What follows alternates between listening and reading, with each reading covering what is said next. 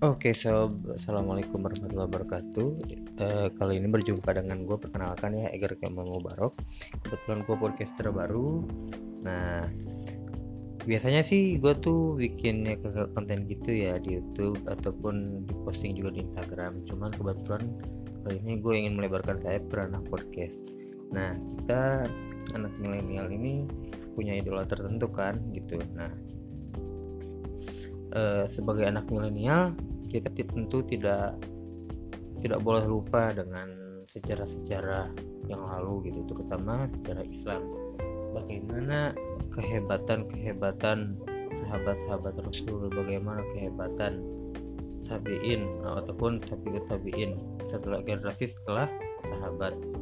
E, banyak kisah-kisah inspiratif maupun tokoh-tokoh yang luar biasa pada zaman-zaman tersebut. Misalnya uh, pada generasi mungkin masuknya tabiut tabiin ya yaitu Ibnu Rushdi ataupun masuknya tabiin yang di mana ya beliau itu terkenal di Eropa itu dengan istilah Averroes dan pemikirannya itu dijadikan pemikiran atau sumber referensi bagi peneliti-peneliti sekarang dalam ranah filsafat ya.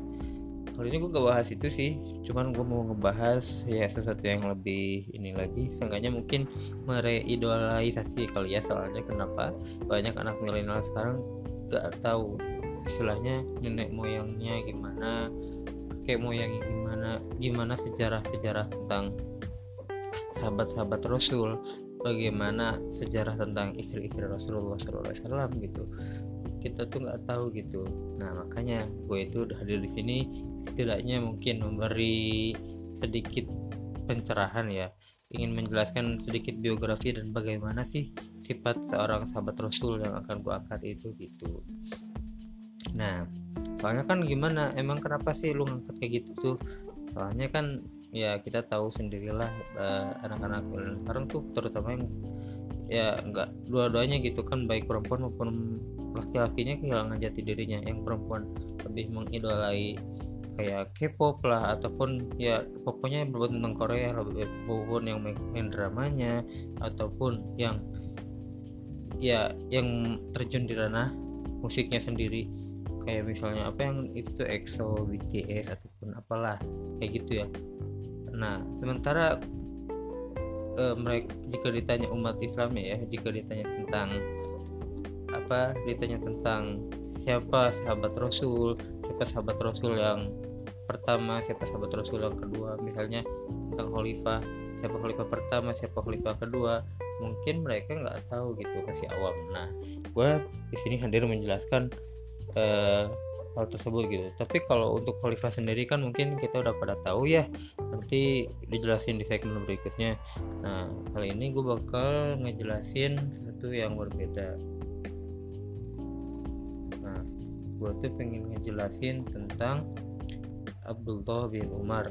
Nah Abdullah bin Umar tuh siapa sih? Abdullah bin Umar tuh salah satu sahabat Rasul. Nah Abdullah bin Umar itu merupakan anak dari Umar bin Khattab yaitu saudara kandung dari Sayyidah Hafsah atau istri Rasulullah yaitu Ummul Mukminin. Kapan sih lahirnya Abdullah bin Umar itu? Abdullah bin Umar lahir pada tahun 612 Masehi yaitu bertepatan pada tiga tahun setelah Nabi Muhammad SAW diangkat menjadi Rasul. Nah, istimewanya Abdul Abdullah bin Umar itu apaan sih? Abdullah bin Umar itu merupakan salah satu perawi hadis terbanyak kedua setelah Abu Hurairah.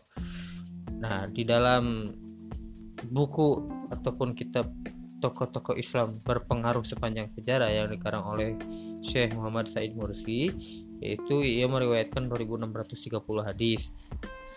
Nah, tapi ada lagi referensi lain dalam biografi yang dikutip di Syarah Hadis Arba'in Nawawi yang ditulis oleh Syekh Hisam Kamil bahwasanya Abdullah bin Umar ini meriwayatkan 1630 hadis.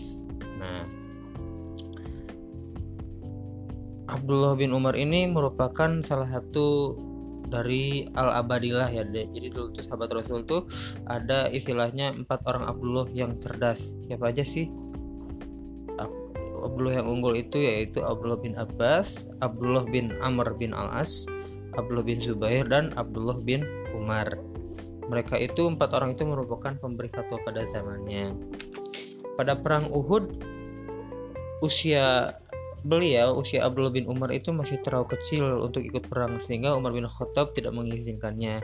Tapi setelah perang Uhud, ia Abdullah bin Umar itu banyak mengikuti peperangan seperti perang Qadahiyah, perang Yarmouk, penaklukan Afrika, Mesir dan Persia serta penyerbuan Basrah dan Madain. Nah, gimana sih kepribadian siapa Abdul bin Umar ini ada yang kok berkomentar Imam Malik berkomentar bahwa Imam Az-Zuhri Imam Az-Zuhri itu tidak pernah meninggalkan pendapatnya Ibnu Umar untuk beralih kepada pendapat orang lain berarti pendapatnya Abdullah bin Umar ini emang pendapat yang kuat pendapat yang logik lah istilahnya dalam ininya tuh pendapat yang bisa dijadikan referensi nah ini ada beberapa amalan amalan Abdullah bin Umar yang bagus Contohnya apa aja? Abdullah bin Umar ini pernah melakukan umroh sebanyak 1000 kali dan haji 60 kali. Masya Allah ya, hebat sekali gitu. Uh, kita paling umroh berapa kali gitu. Apalagi yang belum pernah mungkin belum ada kesempatan. Semoga kita ada kesempatan ya. Amin amin yang kedua apa membebaskan seribu budak. Wih mulia sekali. Ada dulu kan zaman zaman dahulu yang namanya perbudakan tidak bisa menafikan ya. Eh, perbudakan itu marak terjadi pada zaman dahulu. Nah sementara ini Abdullah bin Umar ini hadir membebaskan budak-budak yang terampas kemerdekaannya lah istilahnya. Nah yang ketiga apa? Abdullah bin Umar ini merupakan salah satu fukoha sahabat atau ahli fikih pada zamannya. Sifat Abdullah bin Umar apa aja sih sifat yang ini yang lebih mulainya ini nah ada beberapa sifat yang luar biasa nih satu yaitu tatkala Muawiyah mengirimnya 100 ribu dirham ia menginfakannya di jalan Allah nah 100 ribu dirham tuh segimana sih? 100 ribu dirham tuh ibaratkan satu dirhamnya itu sama dengan 70 ribu. 70 ribu dikali 100 ribu rupiah sama dengan 7 miliar. Jadi waktu itu pas Muawiyah pada zaman dinasti Muawiyah ya nah ngasih ke siapa? Abdullah bin Umar ini. Cuman Abdullah bin Umar langsung menginfakannya di jalan Allah. Masya Allah hebat sekali ya. Yang kedua Abdullah bin Umar ini teladan selalu meneladani Rasulullah Sallallahu Alaihi Wasallam selalu meneladani apa apa sifat sifat-sifat Rasul bagaimana kebiasaan Rasul akhlak akhlak mulianya Rasul beliau teladani luar biasa sekali yang ketiga, Abdullah bin Umar ini merupakan sosok yang berpegang teguh terhadap sunnah. Uh, gila. Abdullah bin Umar ini orangnya istilahnya dalilan lah. Jadi kalau ini tuh, ayo kita kembali lagi ke sunnah, rujuk sunnah, rujuk sunnah. Ada permasalahan, ada dalilnya gak? Coba kita lihat dulu di hadis.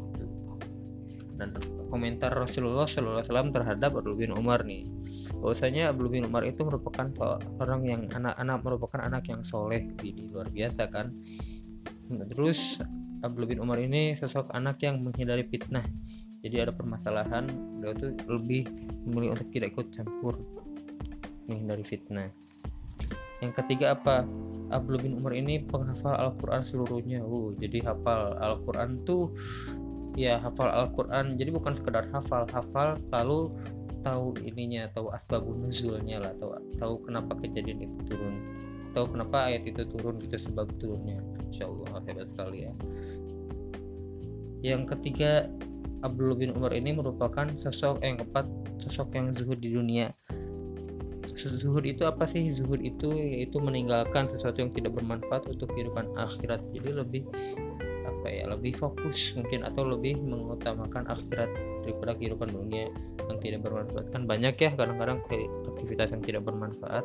Nah Abdullah bin Umar ini seorang atau sosok yang lebih berorientasi kepada akhirat gitu.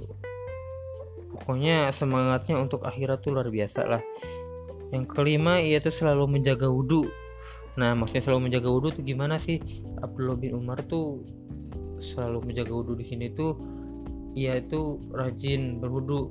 Bukan kalau kalau mau sholat pasti ya kita semua berwudu. Cuman ketika misal mau ngaji ataupun apa itu selalu menjaga wudhunya ataupun jadi agar agar selalu inilah jika ingin melaksanakan ibadah tuh eh, atau ingin misal mau sholat maupun ngaji ataupun mau ini selalu terjaga lah kondisi kesuciannya gitu. Sangat takut kepada Allah. Nah ini yang jarang dilakukan ya oleh remaja-remaja kita masa kini itu selalu untuk sangat takut kepada Allah tuh istilahnya kan menghadirkan ihsan ya. Ihsan tuh antabudallah ka annaka taroh fa in lam takun taroh fa innahu yarok.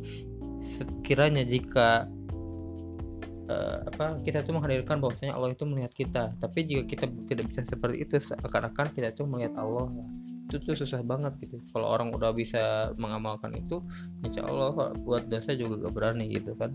Nah yang ini nih yang terakhir apa yaitu Abdullah bin Umar ini sangat bersemangat dalam melakukan amalan yang memasukkannya ke dalam surga. Jadi ada misalnya ada ada zakat ataupun ada infak sedekah Abdullah bin Umar ini paling terdepan lah. Hebat Abdullah bin Umar. Pokoknya sangat bersemangat amalan-amalan yang memasukkannya ke dalam surga yang berbuah pahala ini Abdullah bin Umar sangat semangat lalu ada komentar dari Jabir bin Abdullah tentang uh, keluarga Umar inilah yaitu apa tidak ada di antara kami yang disenangi dunia dan dunia senang kepadanya kecuali Umar dan putranya yaitu Abdullah bin Umar Abdullah bin Umar ini wafat pada tahun 696 Masehi atau 73 Hijriah. Ada yang menyebutkan bahwa Al-Hajjaj menyusupkan seseorang ke rumahnya lalu membunuhnya. Lalu pendapat lain Ibnu Umar meninggal secara wajar. Nah, mungkin dari itu bisa kita ambil hikmah ya. Bahwasanya ya kita bisa memunculkan idola baru lah dalam dunia kita gitu. Jadi bisa ketika nanti di Allah Mahsyar kita bisa menceritakan kepada Rasulullah SAW seenggaknya ada sahabat beliau yang kita tahu gitu. Nah kan asik tuh ya kalau udah tahu kita bisa diberi syafaat. So nanti dapat syafaat itu. Kita saling apa saling. Kita itu belum tentu kita dapat syafaat nah seenggaknya kan ada yang bisa kita ketahui itu kalau tahu tentang ini tuh bermanfaat. Podcast kali ini berlanjut budaya. Assalamualaikum